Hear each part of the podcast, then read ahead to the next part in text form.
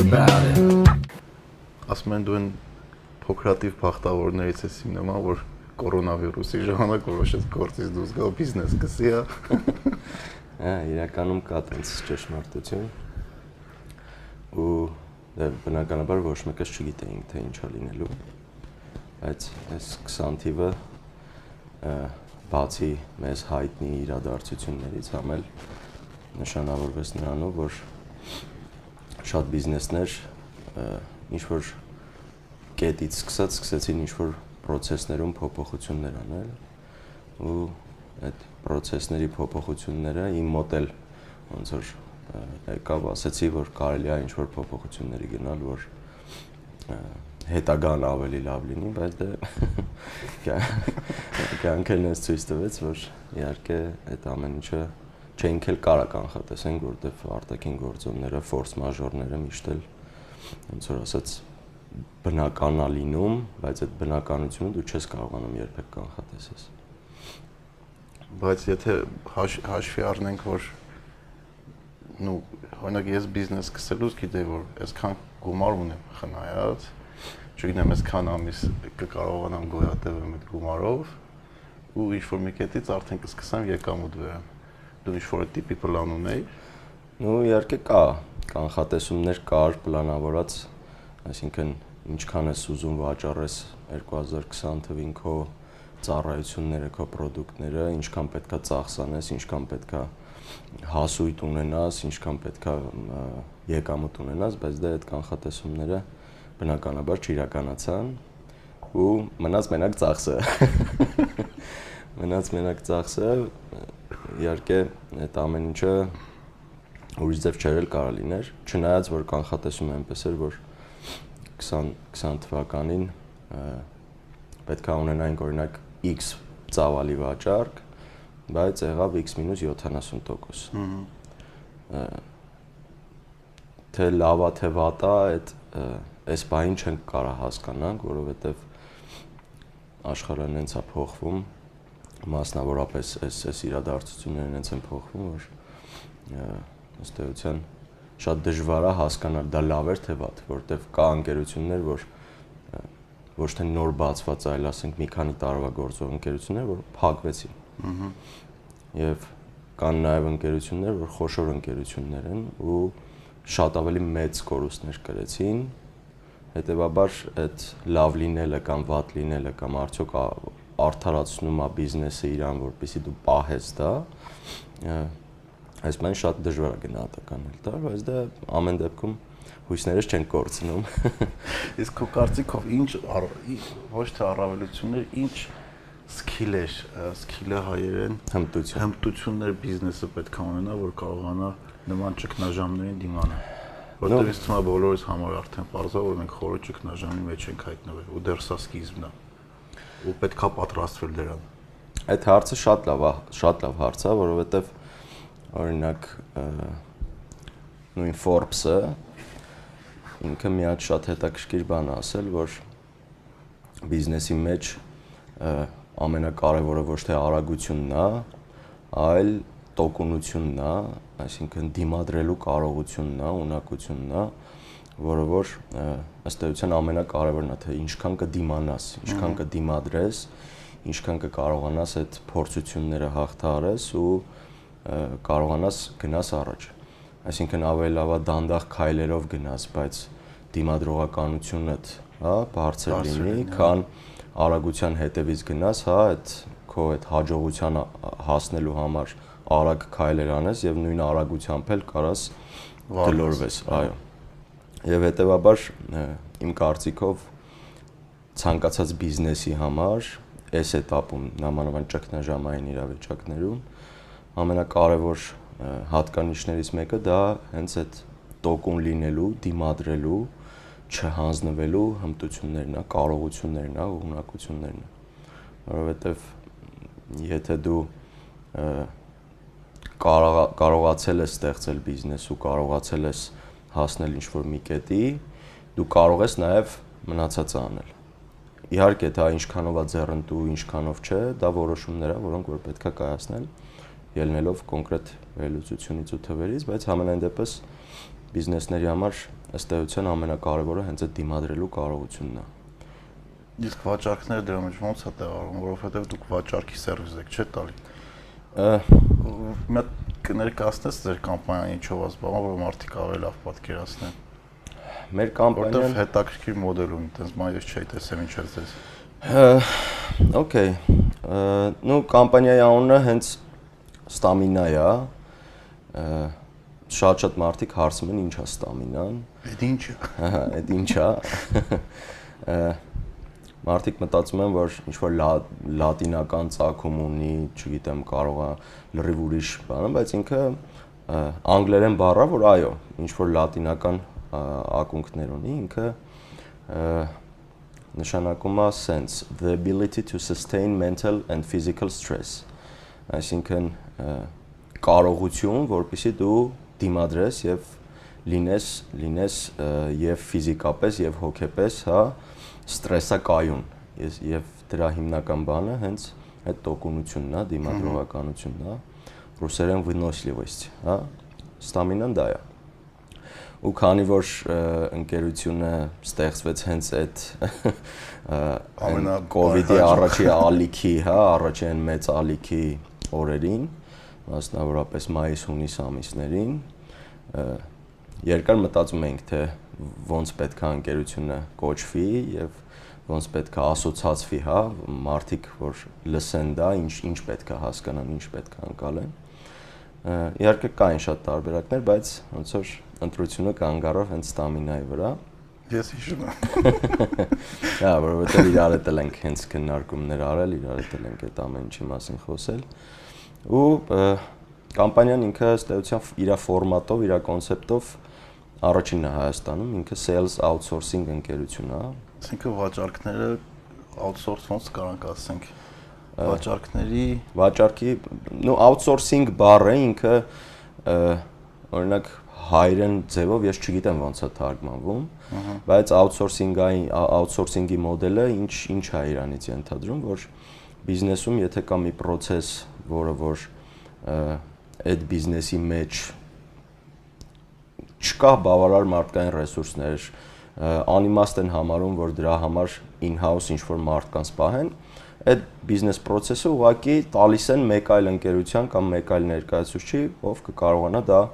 ավելի քիչ ռեսուրսներով եւ ավելի արդյունավետ իրականացնել։ Օրինակ հայկական շուկայում շատ տարածված է հաշվապահությունը outsource անելը։ Հա։ Նամանավանդ այն ընկերությունները, որոնք որ քիչ թե շատ ավելի փոքր են, եւ ուղակի անիմաստա ֆիքսված, հա, աշխատավարձով կամ ֆիքսված ժամերով հաշվապահ պահել, քանի որ իրան չես կարողանում դու ապահովես իր ամբողջ զբաղվածությունը եւ հետեւաբար հաշվապահությունը outsource է արվում։ Բավական վերջերս տենդենսա նկատվում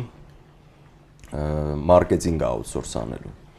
Այսինքն ընկերությունները նաև մտածում եմ, որ ավելի լավ է մարքեթինգի կտորը, մասնավորապես on-line հարթակներում մարքեթինգի կտորները նույնպես outsource անել։ Եվ ոնց որ չկար վաճառքի outsourcing-ային մոդել, որտեղ որ ընկերությունը կկարողանար կենտրոնանալ մենակ իր ապրանքը լավ ստեղծելու, որակյալ ծառայություններ ստեղծելու վրա ու այդ ապրանքի վաճառքը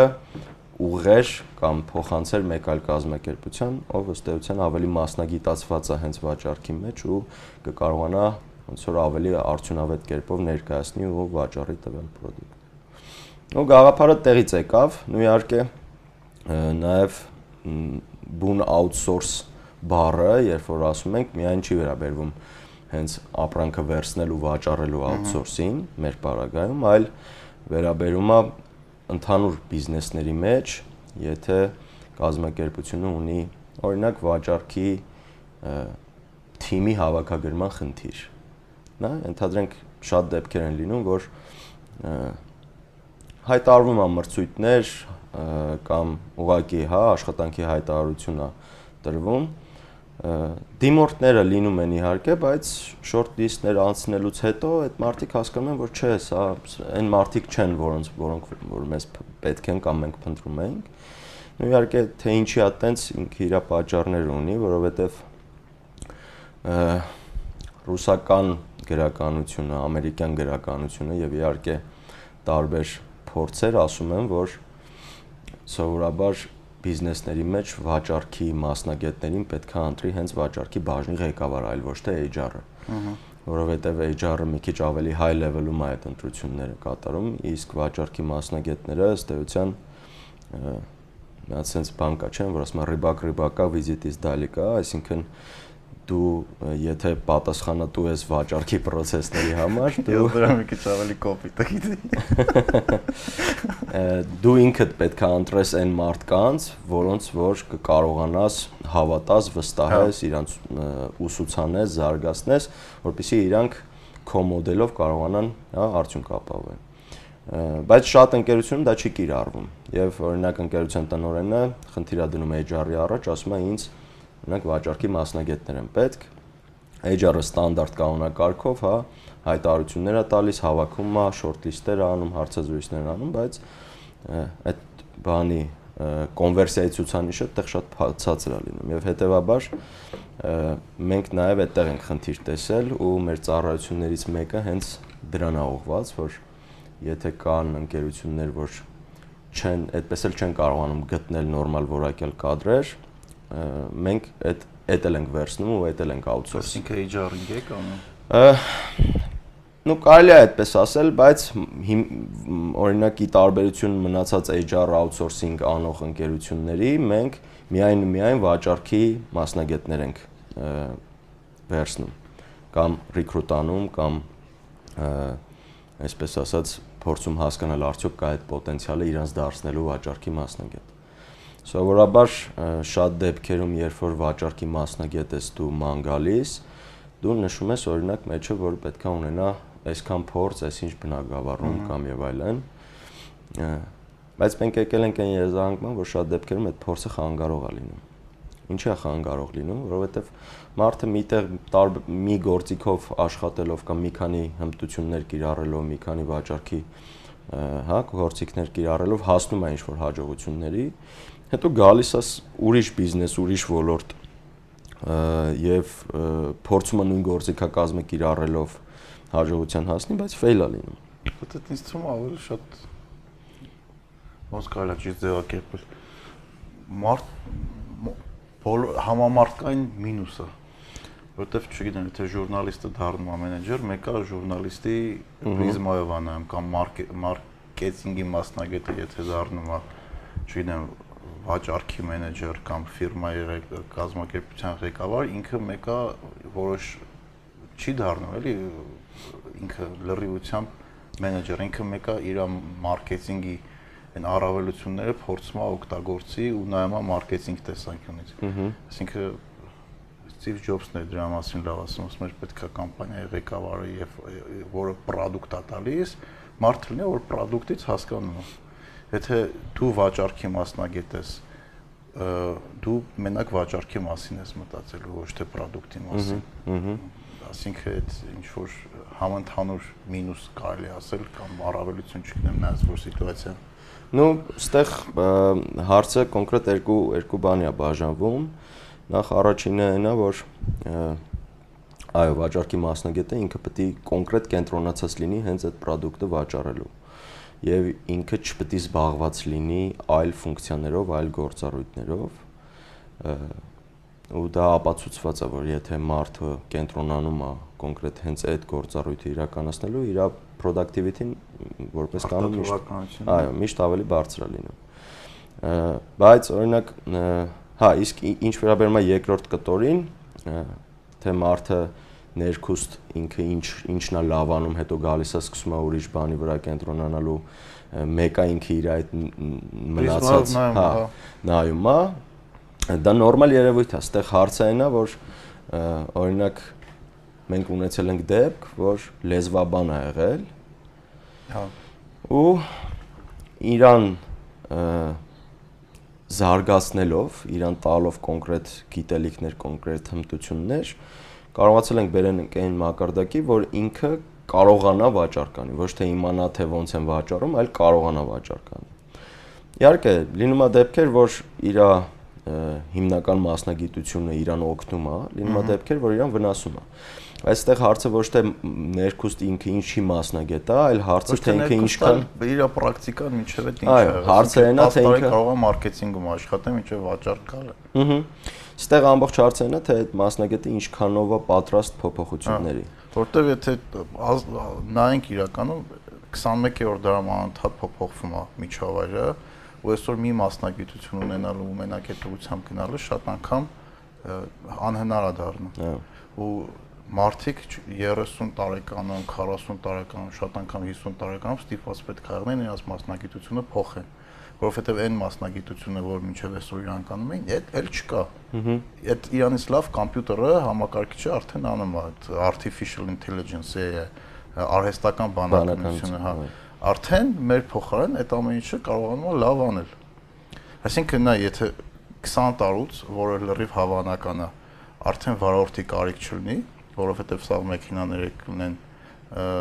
ավտոմատ, ավտոպիլոտով։ Այդ վարորդը ինչ որ մի ուրիշ հմտություն պետքա սովորի, չէ՞։ Ճիշտ։ Այո, ճիշտ չեմ ասում։ Միանշանակ, ինքը պետքա կարողանա ճկուն լինի, որպեսզի այդ փոփոխություններին հեշտ գնա։ Սովորաբար իհարկե այս փոփոխվող աշխարհում ու այս զարգացող աշխարհում համամիտ եմ, որ լիքը մասնագիտություններ վերանում են եւ դեռ շարունակելու են վերանալ մյուս կողմից վաճառքի, հա, մոտեցումները օրինակ նույն բացի այն որ փոխվում են, իհարկե ստեղ էլ ինովատիվ լուրջ process-ներ են փոխվում ինովացիաների հետևանքով, բայց մեկը sense tenants վաճառքը դա ինչ է վաճառքը ճիշտ փոխհարաբերություն է, որտեղ որ պետքա կարողանաս վստահություն ձեռք բերես։ Եվ հետեւաբար իմ խորին համոզմամբ արհեստական բանականությունը չի կարա փոխարինի այդ մարդկային հարաբերությունները, այսինքն օրինակ կան չէ տարբեր մոտեցումներ, ասենք B2B, B2C, B2G, դրանք հա կոնկրետ business to business, business to customer ուղղություններ են, որոնք որ ընկերությունները ընտրում են որպես իրենց վաճառքի հիմնական ուղղություններ։ Այդ որ ճիշտ բացատրենք, ասինքն բիզնեսի տեսակներ կա, որ բիզնեսը վաճառում է բիզնեսին, բիզնեսը վաճառում է հաճախորդին։ Այո, ապրանքներից կախված, կախված թե ինքը ինչ է արտադրում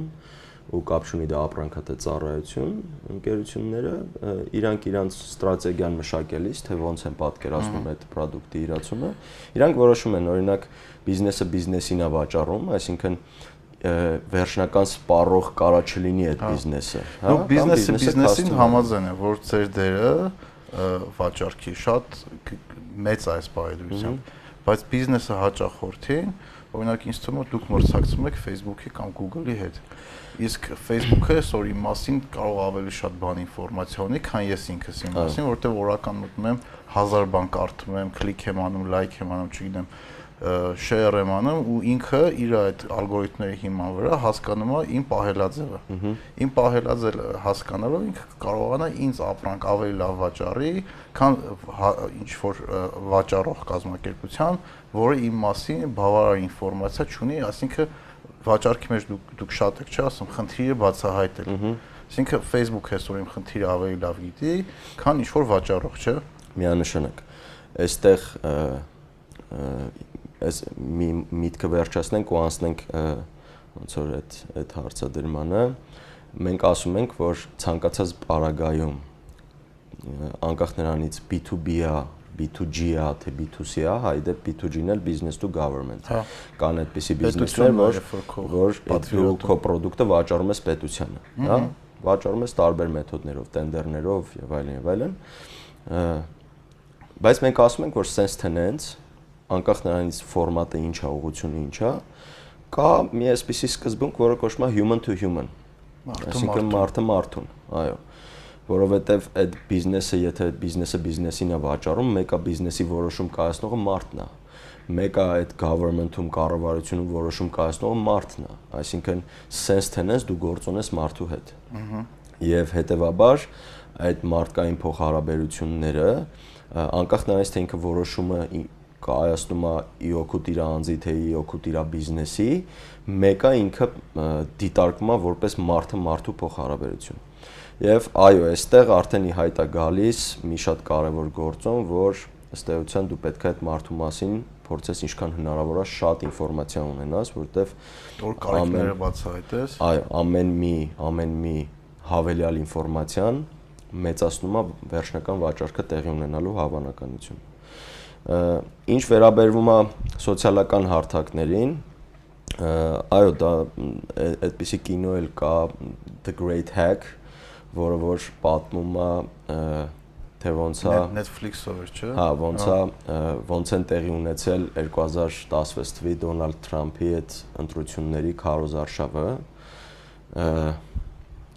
Cambridge Analytica այդպիսի բրիտանական ընկերություն կա, որը որ զբաղվում էր PR-ով եւ advertisement-ով, բայց իր թաքնված մասը նրանում էր, որ ինքը data էր վերլուծում, վերլուծում էր մարդկանց, այո, վերլուծում էր մարդկանց թե օրինակ իրանք Facebook-ում կամ այլ սոցիալական հարթակներում ինչին են լայք դնում, ինչին են կլիկ անում, որ որ ինֆորմացիան են բացում, առհասարակ ինչ նկարներ են տեղադրում, հա, իրանց համար ինչն է կարևոր։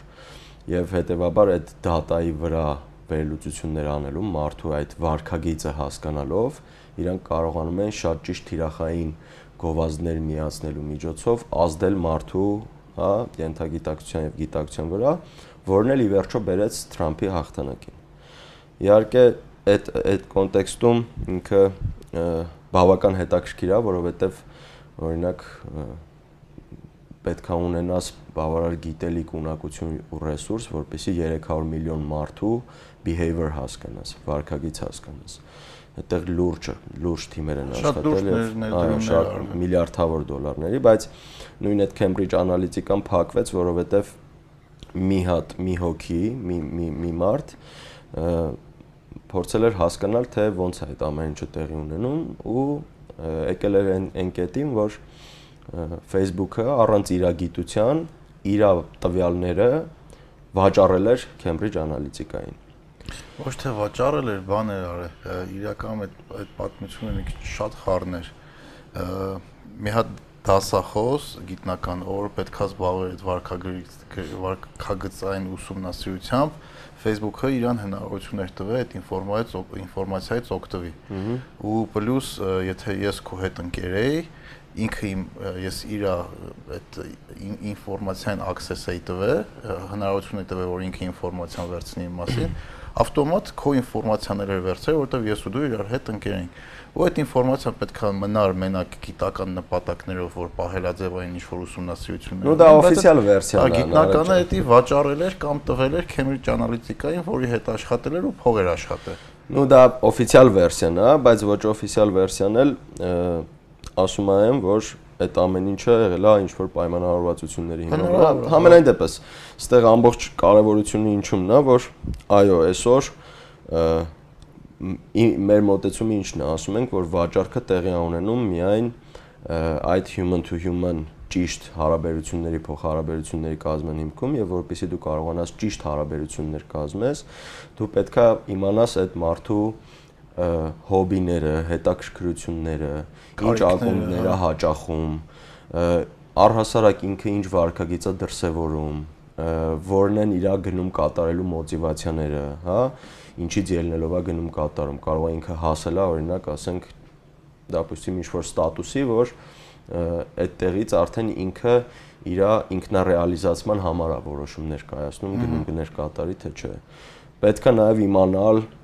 այդ մարդու ինֆլուենսերները, այսինքն ովքեր են ազդում իր որոշման կայացման վրա, պետք է հասկանալ արդյոք ինքը վերջնական որոշում կայացնելու բավարար, հա, կամք եւ բավարար ոնց որ ասած պարտականություն ունի կամ պատասխանատվություն ունի թե չէ, ես այդ այդ ամեն ինչը ինքը ոնց որ ասած ստեղծում ես դու այդ մարդու ինդիվիդուալ քարտը, որpիսի հասկանաս, շատ շատ հաճախ տենց կատակով ասում ենք, որ նաև պետք է իմանաս արդյոք սիրուհի ունի թե չէ, շուն պահումա թե չէ եւ այլն, որովհետեւ իհարկե ցանկացած պարագայում յուրաքանչյուր մարդ իր այդ այդ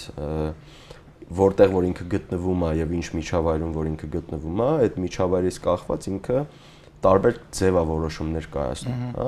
Օրինակ ամուսնացած երեխաներ ունեցող մարդը լրիվ այլ ձևավորոշում կայացնում ինչ որ ապրանք գնելու, քան այն մարդիկ, ովքեր որ օրինակ ամուսնացած չեն կամ անգամ չունեն կին կամ ամուսին եւ այդ որոշում կայացնելու, այդ ազդելու, հա, բաները, այդ ամբողջը այդ վարքագծերն է, էմոցիաներն է, մենք 18 տարեկանում այլ ձև էինք ինչ որ բան որոշում առնելու կամ չառնելու 30-ում այլ ձև, 40-ում այլ ձև ենք որոշելու, որովհետև մեր կյանքի մակարդակները փոխվում է եւ մենք ամեն level-ում, հա, մեր կյանքի ամեն этаպում մենք տարբեր վարքագծեր ենք դրսևորում ու հետեւաբար այդ վարքագծերի ուսումնասիրության եւ գրագետ ուսումնասիրության արդյունքում է որ դու կարող ես ճիշտ բացահայտես այդ դիմացինիդ կարիքները, հետաքրքրությունները, խնդիրները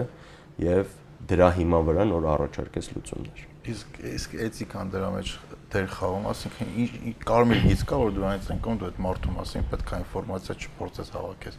Կամ ինչքան էթիկայի կանոնների մեջ համոտնո, որ դու իր մասին ինֆորմացիա ես հավաքում։ Ինֆորմացիա հավաքելը այսպես է։ Նախ կա բաց ինֆորմացիա, որը որ եթե մարդը ճուզեր որ դու իր մասին այդ ինֆորմացիան իմանայր, ինքը չէր տա։ Եվ կա փակ ինֆորմացիա։ Այսինքն եթե դու իր մասին ինֆորմացիա ես հավաքում, դու քո առաջարկը իրան նենց ես ներկայացնում, որ մաքսիմում իրան հարմար լինի, որ ինքը ասի հա, քո առաջարկին ասի, այո, ես համաձայն եմ այդ ապրանքը գնեմ կամ այդ սերվիսը գնեմ։ Չի ստացվում որ մանիպուլյացիա է։ Ուրեմն այստեղ երկու կարևոր կետ կա փակ ինֆորմացիաները, որոնք որ ենթակա չեն հրապարակման, կամ այդ մարդը անձամբ չի հրապարակում, բայց դու ինչ որ մի տեղից կարողանում ես գտնես, իհարկե չի կարելի այդ ինֆորմացիան օգտագործել, որpիսի դու ներկայացնես այնց առաջարկ, որը որ իրան կօգնի որոշում կայացնելու։ Բայց դու այդ ինֆորմացիան առնվազն տիրապետում ես կամ եթե կարողանում ես իհարկե տիրապետես, տիրապետում ես զուտ այն բանով, որ դու խուսափես հնարավոր խնդիրներից, հա։, հա։ Իսկ խնդիրները կարան տարբեր ձև լինեն։ Կարա ուղակի, ասենք, մարդը ոչ միայն քեզ մերժի, այլ կարա իր հետ կապված օրինակ ինքը քեզ վատ արձագանք տա քո կամպանիային, քո product-ին եւ այլն, եւ որpեսզի դու կարողանաս գոնե առնվազն խուսափես հնարավոր խնդիրներից, դու փորձում ես ինֆորմացիա հավաքես։ Իհարկե կա այդտեղ կարմիր գիծ, որ դու չես անցնում, հա, բայց կախված է նրանից թե այդ մարդը քեզ ինչքան է ինչքան տեղա տալիս որ դու իր մասին ինֆորմացիա իմանաս եւ այդ ինֆորմացիան միշտ ա եղել կարեւոր եւ գնալով ել ավելի է կարեւոր կարեւորությունը ել ավելի է բարձրանում մյուս կողմից էլ ստեղ մի հետաքրքիր բան էլ կա որ օրինակ վաճառքի մեջ շատ հաճախ ասում են քանի դեռ բացահայտված չի կարիքները չի թույլատրվում ինչ որ առաջարկներ ներկայացնել Այսինքն դու կարող ես ներկայացնես առաջարկ, որ իրան բացարձակ պետք չի եւ կարող է այն ինֆորմացիան, որ դու հավաքել ես, ըստ էության relevant չի, այսինքն համապատասխան ինֆո չի։ Այդ որպես օրինակով շատ շատ հաճախ օգտագործվում է, ասում եմ դու եթե ուզես վաճառես ստեյկը բուսակերին, դու երբեք չես կարողանալու վաճառես անկախ նրանից թե դու ինչքան լավ վաճառքի մասնագետ ես որովհետև այդ մարդը միշտ չի ուտում եւ հետեւաբար եթե դու այդ ինֆորմացիային չտիրապետես եւ դու նախապես չիմանաս թե այդ մարդը միս ուտողա թե միս ուտող չի դու ըստ էության ուղղակի չես կարողանա հասկանաս արդյոք արդի դրա վրա ժամանակ ծախսել թե չարժ հա Եվ ինֆորմացիայի հավաքագրումը, վերլուծությունը, հա, հիմնականում նաև արվում է այն պատճառով, որ դու կարողանաս ճիշտ թիրախավորես, թե ով է քո վերջնական գնորդը։ Ով է, որ պատրաստա քո առաջարկած լուծումները լսելու եւ որոշում կայացնելու, հա? Իսկ այդ լուծումները որpիսի լինեն ավելի արդյունավետ եւ ավելի ըստ էության պետքական, դու պետքա կարողանաս այդ ինֆորմացիային տիրապետես։ Այսինքն ցանկացած վաճառք անելուց, եթե ճիշտ եմ հասկանում, դուք պետքա այդ հաճախորդի ապրանքը ուսումնասիրեք շատ լավ, այսինքն ձեր թիմը իմանա, որ այս ապրանքի առավելությունները, մինուսները էսա, ու նաև հասկանաք իր այդ կազմակերպության թիրախը որն է, այդ թիրախի մարտիկ ինչ կարիքներ ունեն։ Նոր դրանից հետո վաճառքը սկսում արվի։ Այո, սովորաբար նու դա ոչ միայն մեր ընկերությունը, այլ առհասարակ օրինակ եվրոպական եւ ամերիկյան նմանատիպ ընկերությունները, sales outsourcing իրականացնող ընկերությունները ունեն մի այսպիսի հետաքրքիր մոտեցում, ուրեմն բավական վերջերս զրուցում էի մի հույն բիզնեսմենի հետ, ով հենց ուներ sales outsourcing ընկերություն եւ փորձում էի հասկանալ, թե իրանք այդ բիզնես մոդելը իրանց մոտ ոնց է աշխատում։ հա։ Եվ ինքը ինձ մի հետաքրքիր բան ասաց, որ ըստ էության 3 ամիս, երբ որ հաճախորդը գալիս է մոտ, ասում է, որ ուզում եմ այս ապրանքը դուք վաճառեք, իրանք վերցնում են այդ ապրանքը 3 ամիս ժամկետով է կնքվում պայմանագիրը եւ այդ 3 ամսվա ընթացքում տվյալ outsourcing-ային ընկերությունը չի վերցնում որևիցե պարտավորվածություն կամ պլան, որ ինքը հասնելու է 3 ամիս հետո վաճառքի այս ծավալի։ Եվ այդ 3 ամսվա ընթացքում ինքը վերցնում է ֆիքսված վարձատրություն։ Մինիմալ թե օրինակ ամսական 2500 եվրո։ Հա։ Ինքը վերցնում է այդ վարձատրությունը, ասում է այդ վարձատրությունը ես վերցնում եմ նրա համար, որպեսզի նախ քո ապրանքը տեստավորեմ հասկանամ արդյոք իրոք այդ ապրանքը շուկայում պահանջ ունի թե չէ շուկան դրան ոնց է արձագանքում ես ինքս սովորեմ այդ ապրանքը որպեսզի կարողանամ ներկայացնել եւ այդ 3 ամսվա ընթացքում ես ուղակի խոստանում եմ ու իհարկե գրավոր, որ ամեն ինչ կանեմ, որպեսզի քո ապրանքը վաճառվի, բայց չեմ խոստանում, թե ինչքան կլինի վաճառքը։ Եվ հետո 3 ամիս հետո խոստումը բան չէ, KPI չի։ Իհարկե KPI չի։ Չափելի միջոց չի։ Իհարկե, եւ քանի որ ինչ որ մի բան վաճառելը, ինչ որ մի բան ստեղծելը ստեյության կարա շատ ավելի հեշտ լինի, քան այդ ստեղծածը վաճառելը։ Որովհետեւ սովորաբար մարդիկ, ասենք օրինակ ինչա ստարտափ ընկերությունները կան, չէ, այդպիսի ցուցանիշներ, որ մեծամասնությունը անհաջողության են մատնվում որտեվ Ստիվ Ջոբսի սինդրոմով են տարվում։ Այստեղ պատասխանը ավելի հեշտ է ու ավելի դե հա, բարձր է հումոր է։ Ասում եմ մարդիկ ստեղծում են լուծումներ, հետո գնում են ու սկսում են ման գալ թե խնդիրները։ Հա, ինչ այդ այդ իրանց առաջարկած լուծումը ինչ խնդիրներ է լուծում ըստ էության։ Եվ որպես կանոն, երբ որ այդ լուծումը ստեղծում ես, հետո նոր գնում ես ու նայում ես, թե ով կարա այդ լուծման խնդիրը ունենա, սովորաբար այդտեղ ֆեյլը գնում է, այսինքն այդտեղ անհաջողությունների հիմնական մեխը։ Իսկ այն մարդիկ, ովքեր որ հստակ կարողանում են ձևակերպեն ու սահմանեն այն խնդիրները, որոնք որ իրանք բացահայտել են, հա։ իրանք երբ որ խնդրի հիման վրա են ստեղծում լուծումներ, դա միշտ որպես կանոն ավելի արդյունավետ է լինում։ Եվ հետեւաբար շատ ավելի ճիշտ է եւ շատ ավելի հստակ է, որ պետքա նախ եւ առաջ այդ խնդիրները հասկանաս։ Երբ որ դու ուզում ես ինչ-որ մի բան ստեղծես, դու ոչ թե պետքա ասես, չգիտեմ, արի մի հատ sense բան ստեղծեմ, շատ թույն գաղափար բան եւ այլն, բայց պետքա հասկանաս այդ գաղափարը կամ այդ ինչը որ ստեղծել ես, ինչի ես ստեղծել եւ ինչ խնդիր է ինքը լուծում։ Օրինակ այդ պլանավորման գործիք կա, կոչվում է 5W, որը որ 5 5 W-ներից բաղկացած հարցեր է, հա, what, why, where, who, when եւ այլն, եւ այդ հարցադրումների նախարարի հակառակ հարց տամ, կարակ է տամ, ինչը հայերեն ասեք։ Հա, ինչ, ինչու, որտեղ, երբ եւ ով, հա, հա այդ հարցերը բոլոր այն հարցերն են, որ եթե դու ինչ-որ մի հատ product ես ստեղծում կամ ընկերություն ես հիմնում կամ ուզում ես բիզնես սկսես, դու ինքդ քեզ այդ հարցերը պետքա տաս։ Այդ հարցն է, այս նյութերի մասին որ խոսում ես, կարաս մեզ տրամադրես լինքեր, մենք YouTube-ի էջում դնենք այն մարկանց, որ հետաքրքիր է որ մտնեն նայեն։ Ուրեմն այն ինչի մասին որ ես խոսում եմ, Նարեկ ջան, ըստ էության այդ ամեն ինչը կա որպես ձեռնարկ եւ մենք մեր կրթական ծրագրերում որտեղ որ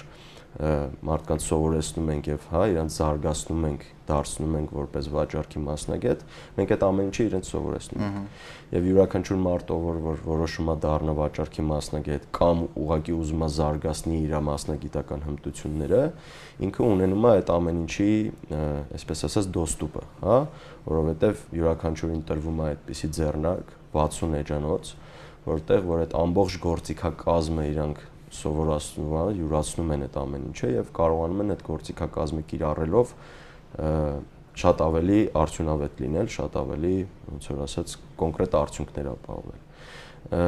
Ինչ վերաբերում է լինքերին կամ YouTube-ի որոշակի մենք իհարկե այդ ամեն ինչը հանրայնացնում ենք, բայց մասար մաս, հա, օրինակ ես ընկերությունը ստեղծելուց նաև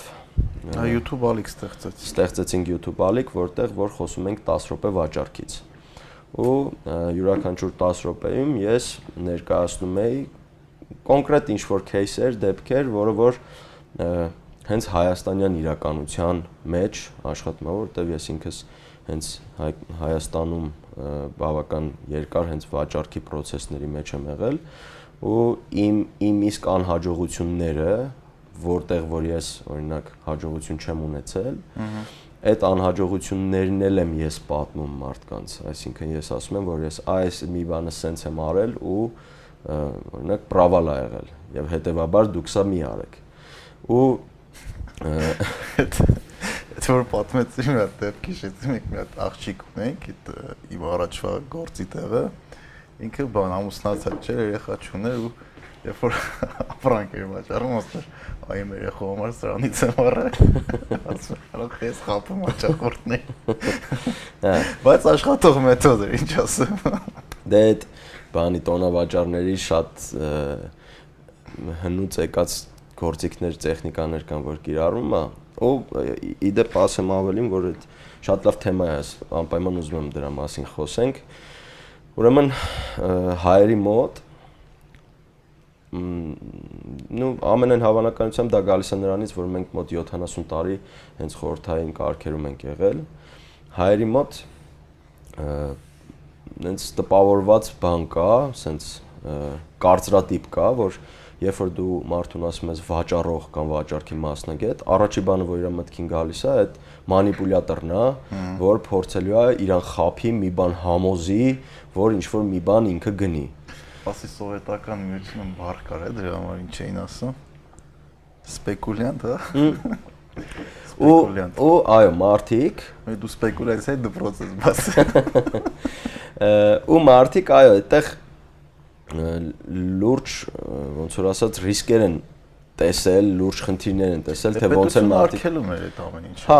հա, պետությունը արկելում էր ու հիմա էլ օրինակ ասենք այդ վատ ասոցիացիաները դեռևս պահպանվում են. Դե հա։ վաճառողի, վաճառքի մասնագետի ու սովորաբար ասենք երբ որ դու մարդուն առաջին ասում ես վաճառող ինքը հասկանում է, ասենք հենց այդ խանութի սրահի, չգիտեմ, վաճառողը կամ վաճառողին եւ այլն, այնինչ վաճառքի մասնագետները այսօր ամբողջ աշխարհում նախ ամենապահանջվածներն են եւ հետո ամենաեկամտաբեր աշխատանքներից մեկն է ասեմ ավելին, այս բավականես վերջերս Forbes-ը իր հերթական 100 հարուստների ոնց որ ցուցակը հրապարակելիս մի հատ հետաքրքիր բան էր գրել, որ այդ մարդկանց 72%-ը իրանց կարիերան սկսել է հենց վաճառքի մասնագետից։ Ու հետեւաբար ստեղ մենք խնդիր ունենք, որ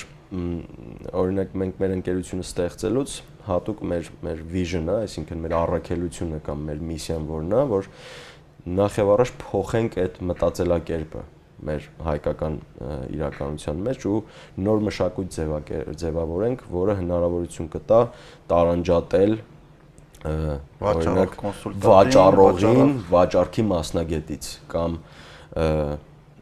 այսպես ասեմ, խորհրդատուին կամ սպասարկողին բուն վաճառքի մասնագետից։ Ինչի, որովհետև մենակ վաճառքի ոլորտում այդ խնդիրը չկա, օրինակ չգիտեմ, տպարանի ոչ մեկին չեմ չեմ ուզում վիրավորեմ իրականում դպարանի աշխատողը որ բուկլետ է դիզայնանում տեղում այն ամենափոքր կամպանիաների համար էլի դիզայները դիզայները չգիտեմ մեր դիզայները որ հոլանդիայում ասող ես չգիտեմ ինչեր ասես սովորել են, որ հասնեն այդ մակարդակին, ինքն էլ է դիզայներ ու շուկայում շատերը չեն տարանջատում, որ այս մարդը դրա համար, չգիտեմ, շատ երկար ճանապարհ անցե ու այդ մարդու դիզայն արածի որակը նույնը չի ինչ որ տպարանի, ինչ որ բուկլետի էլի։ Միանշանակ այդտեղ կա այդ խնդիրը ու այդ հիմնականում պայմանավորված է գրագիտության մակարդակով, որովհետև գրագիտությունն է մեր մոտ շատ լուրջ խնդիրներ ունի։ Ահա, շատ լուրջ խնդիրներ ունի, սկսած բայց ցավալի է։ Սկսած մանկապարտեզից, հա, վերջացրած այդ մեր կրթական, հա, այդ այդ սթեյջերը որ կա, այդ этаպները, հա։ մակարդակները որ կա, ամենտեղ փոփոխությունների կարիք կա ու այդ փոփոխությունները անհրաժեշտություն են, եթե դու ուզում ես քո հասարակության գրագիտությունը բարձրանալ։ Հասարակության գրագիտությունը բարձրանալով դու ըստ էության կարողանում ես ավելի հեշտ աշխատես այն հիմնական խնդիրների հետ, որոնք որ մենք հիմա իրար հետ խոսում ենք, բարձրաձայնում ենք, բայց այդ դրա համար դե դա երկարաժամկետ process է, դրա համար կոնկրետ գործողություններ են պետք, բայց մենք էլ տեղերում պետքա փորձենք արդեն իսկ այդ ձևավորված կարծրատիպերը այս հետևի կողմից ջարդենք, ինչև այն նոր սերունդը կգա, բայց այս արկա սերունդին էլ պետքա ջարդենք այդ կարծրատիպերը, որ մարդիկ սկսեն հասկանալ, կարողանալ տարբերել, տարանջատել, թե կոնկրետ մասնագիտությունները կամ բիզնեսի մեջ կոնկրետ որը որից հետո է, հա?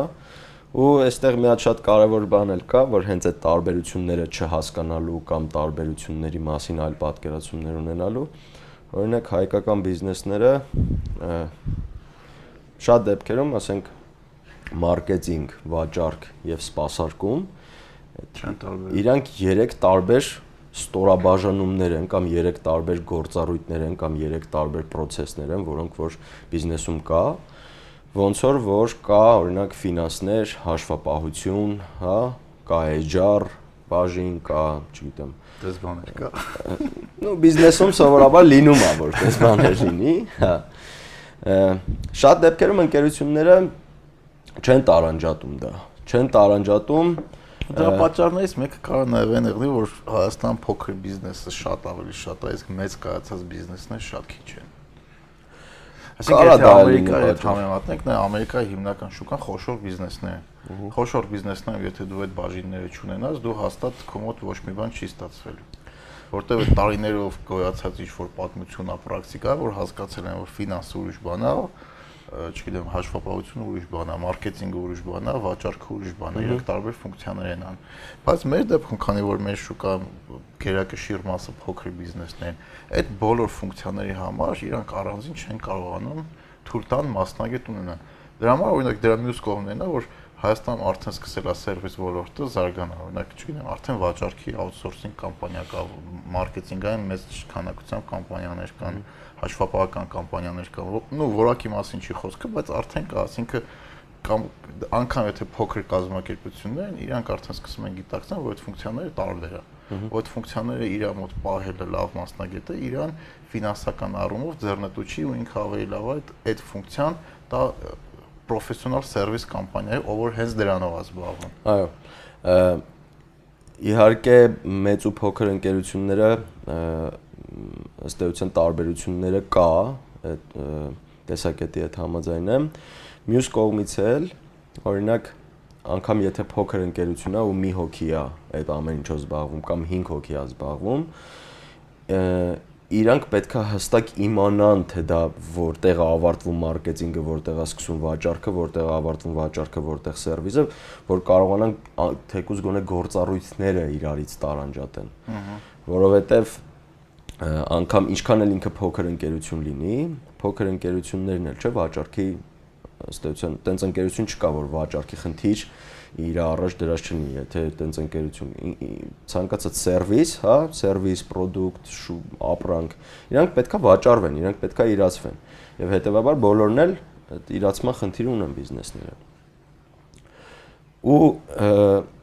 օրինակ նույն հայկական շուկայում, հայկական իրականության մեջ ես անգամ գիտեմ շատ-շատ մեծ ընկերություններ, հա,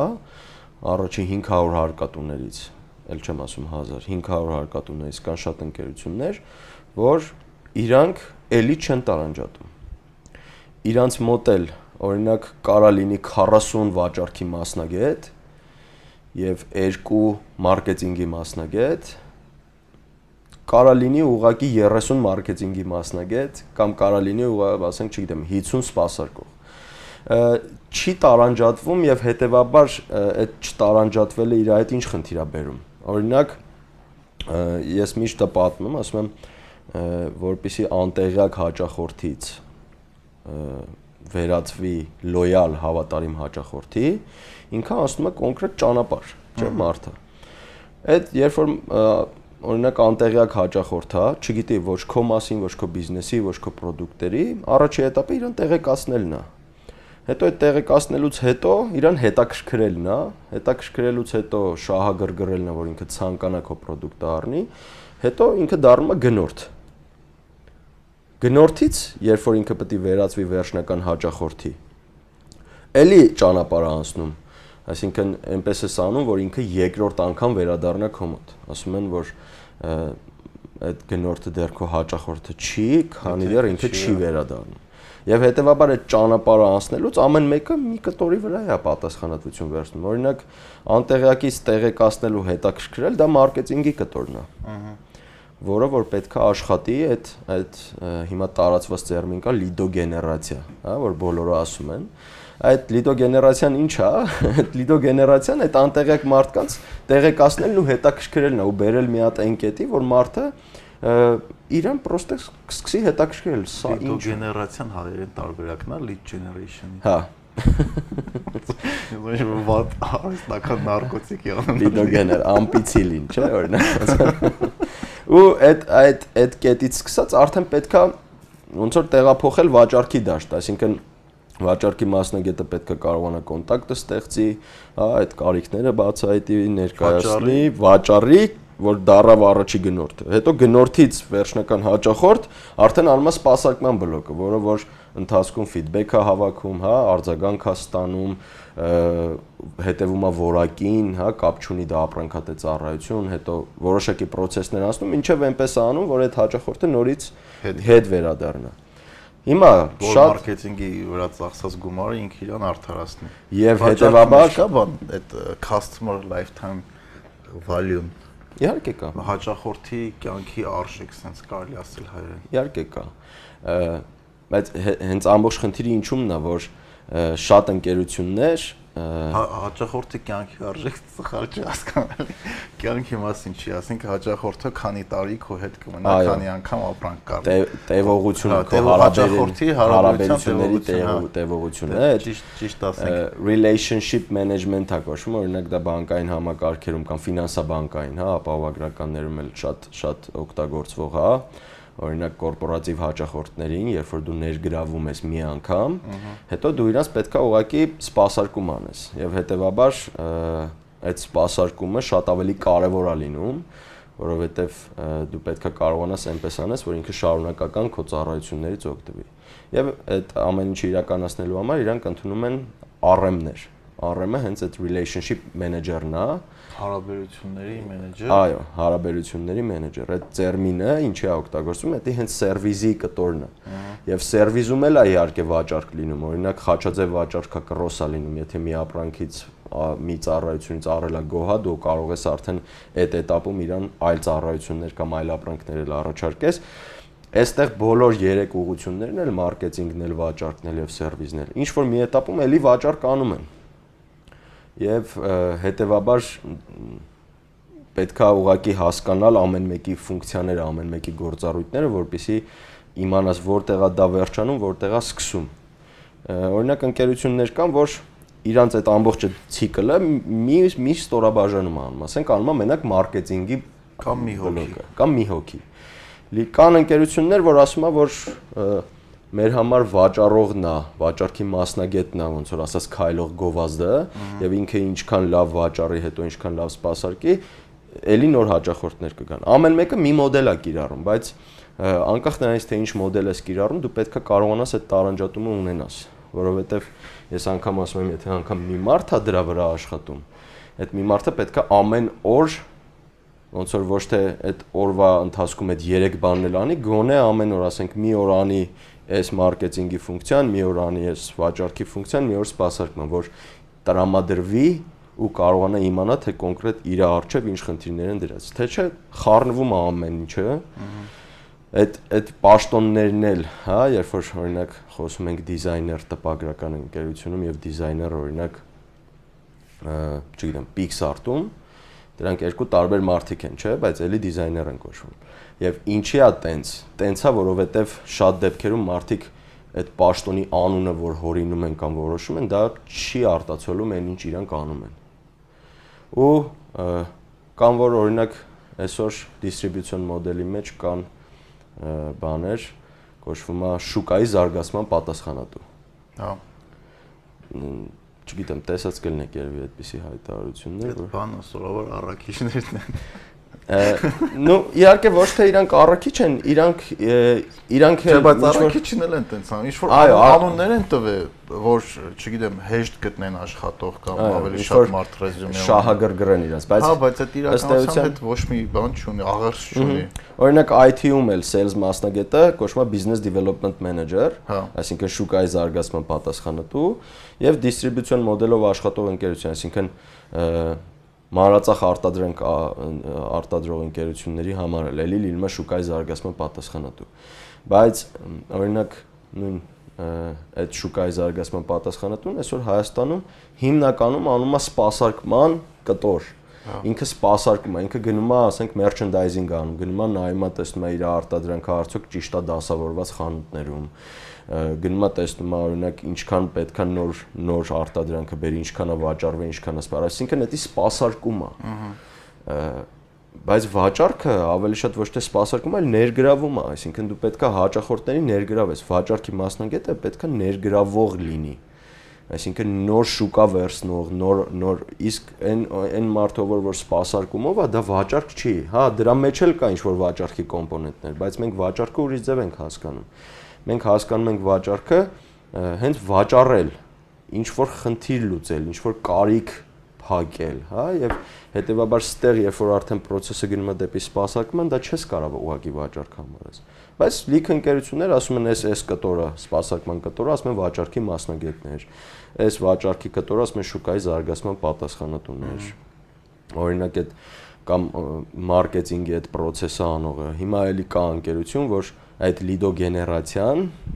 դրված է վաճառքի մասնագետի վրա, ասում է դու պետք է գնաս, նոր հաճախորդներ գտնես, լիստ անես, իրանց ցուցակագրես, բերես ու սկսես աշխատել։ Եվ կա իհարկե այն մյուս մոդելը, որ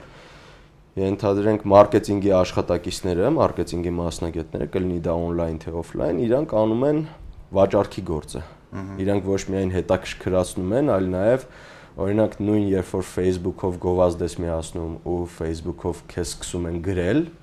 հա, ну բիզնեսից կան ինչ որ հարց են տալիս։ Ինքը արդեն հետաքրքրված lead է։ Պլյուս են դնում։ Այո, պլյուս են դնում օրինակ։ Տեղից արդեն պետքա, հա, տեղից արդեն պետքա վաճառողը աշխատի, բայց շարունակում է մարքեթինգի մասնագետը աշխատել կամ օրինակ SMM մասնագետը։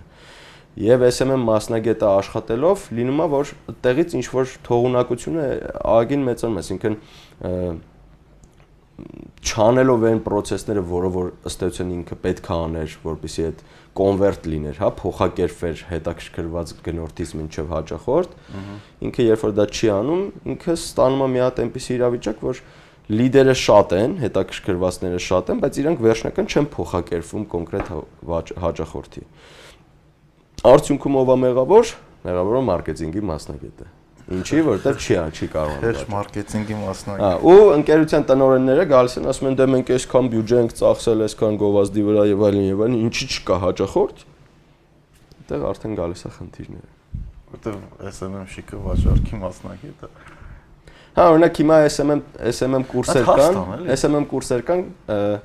որ իրանք ասում են մենք կսովորացնենք թե ինչպես վաճառել։ Հա։ Ոնց պետք է ինքը սովորի թե ինչպես վաճառի։ SMM կուրսի ժամանակ։ Չեմ պատկերացնում, որովհետև տեղյակ չեմ այդ կուրսերը, բայց քանի որ SMM-ի մասին խոսքը գնաց ու պլյուսների, խիչ են վաճառքի գները գրում Facebook-ում։ Ահա որ ներվայնացնող է։ Լուրջ եմ ասում, եթե ինչ-որ մարդ կա, որ մեզ նայում, ու ինքը Facebook-ով ապրանք ավաճառում ու գինը չի գրում, մի նայեք մեզ։ Չէ, բայց տես մի ասեմ, որովհետև կան դեպքեր, որ մենք էլ չենք գրում գինը, որովհետև գինը Հա չէ, մաս product-ի մասին է։ Հա, մասի մասը Կոշիկ են վաճառում, չգիտեմ, վերմակ են վաճառում, ես ինչ չեմ։ Չէ, դա իհարկե տենց, բայց կամ Հայաստան on-line վաճառքի սայթեր գոյություն ունեն, էլեկտրոնիկայի մեծ ֆիրմաներ։ Մտնում ես սայթը, գին չկա։ նու իհարկե այդ այդ մի քիչ ավելի տեխնիկական հարց է, բայց թե առհասարակ ինչի գինը չեն ասում կամ ինչի են գինը ասում,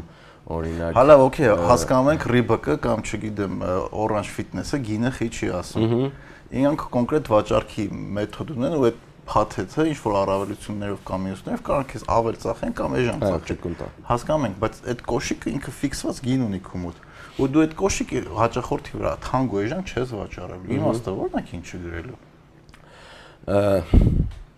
Չեմ կարող այդ հարցին պատասխանեմ, որտեղ նախ ինքս ես չեմ հանդիպել, որ օրինակ կոշիկը գին չունենա, բայց եթե ասում ես, իհարկե նու շատ է իրականում SMM-ի մասնագետներ կան մթոմ մասնագետներ, որ տենց իրանք ուզում են օրգանիկ ինչ որ engagement-ը edge-ի հետ ավելացնել։ Նու, հա, իրանց իրանց կարա այդ այդ հետա, այսինքն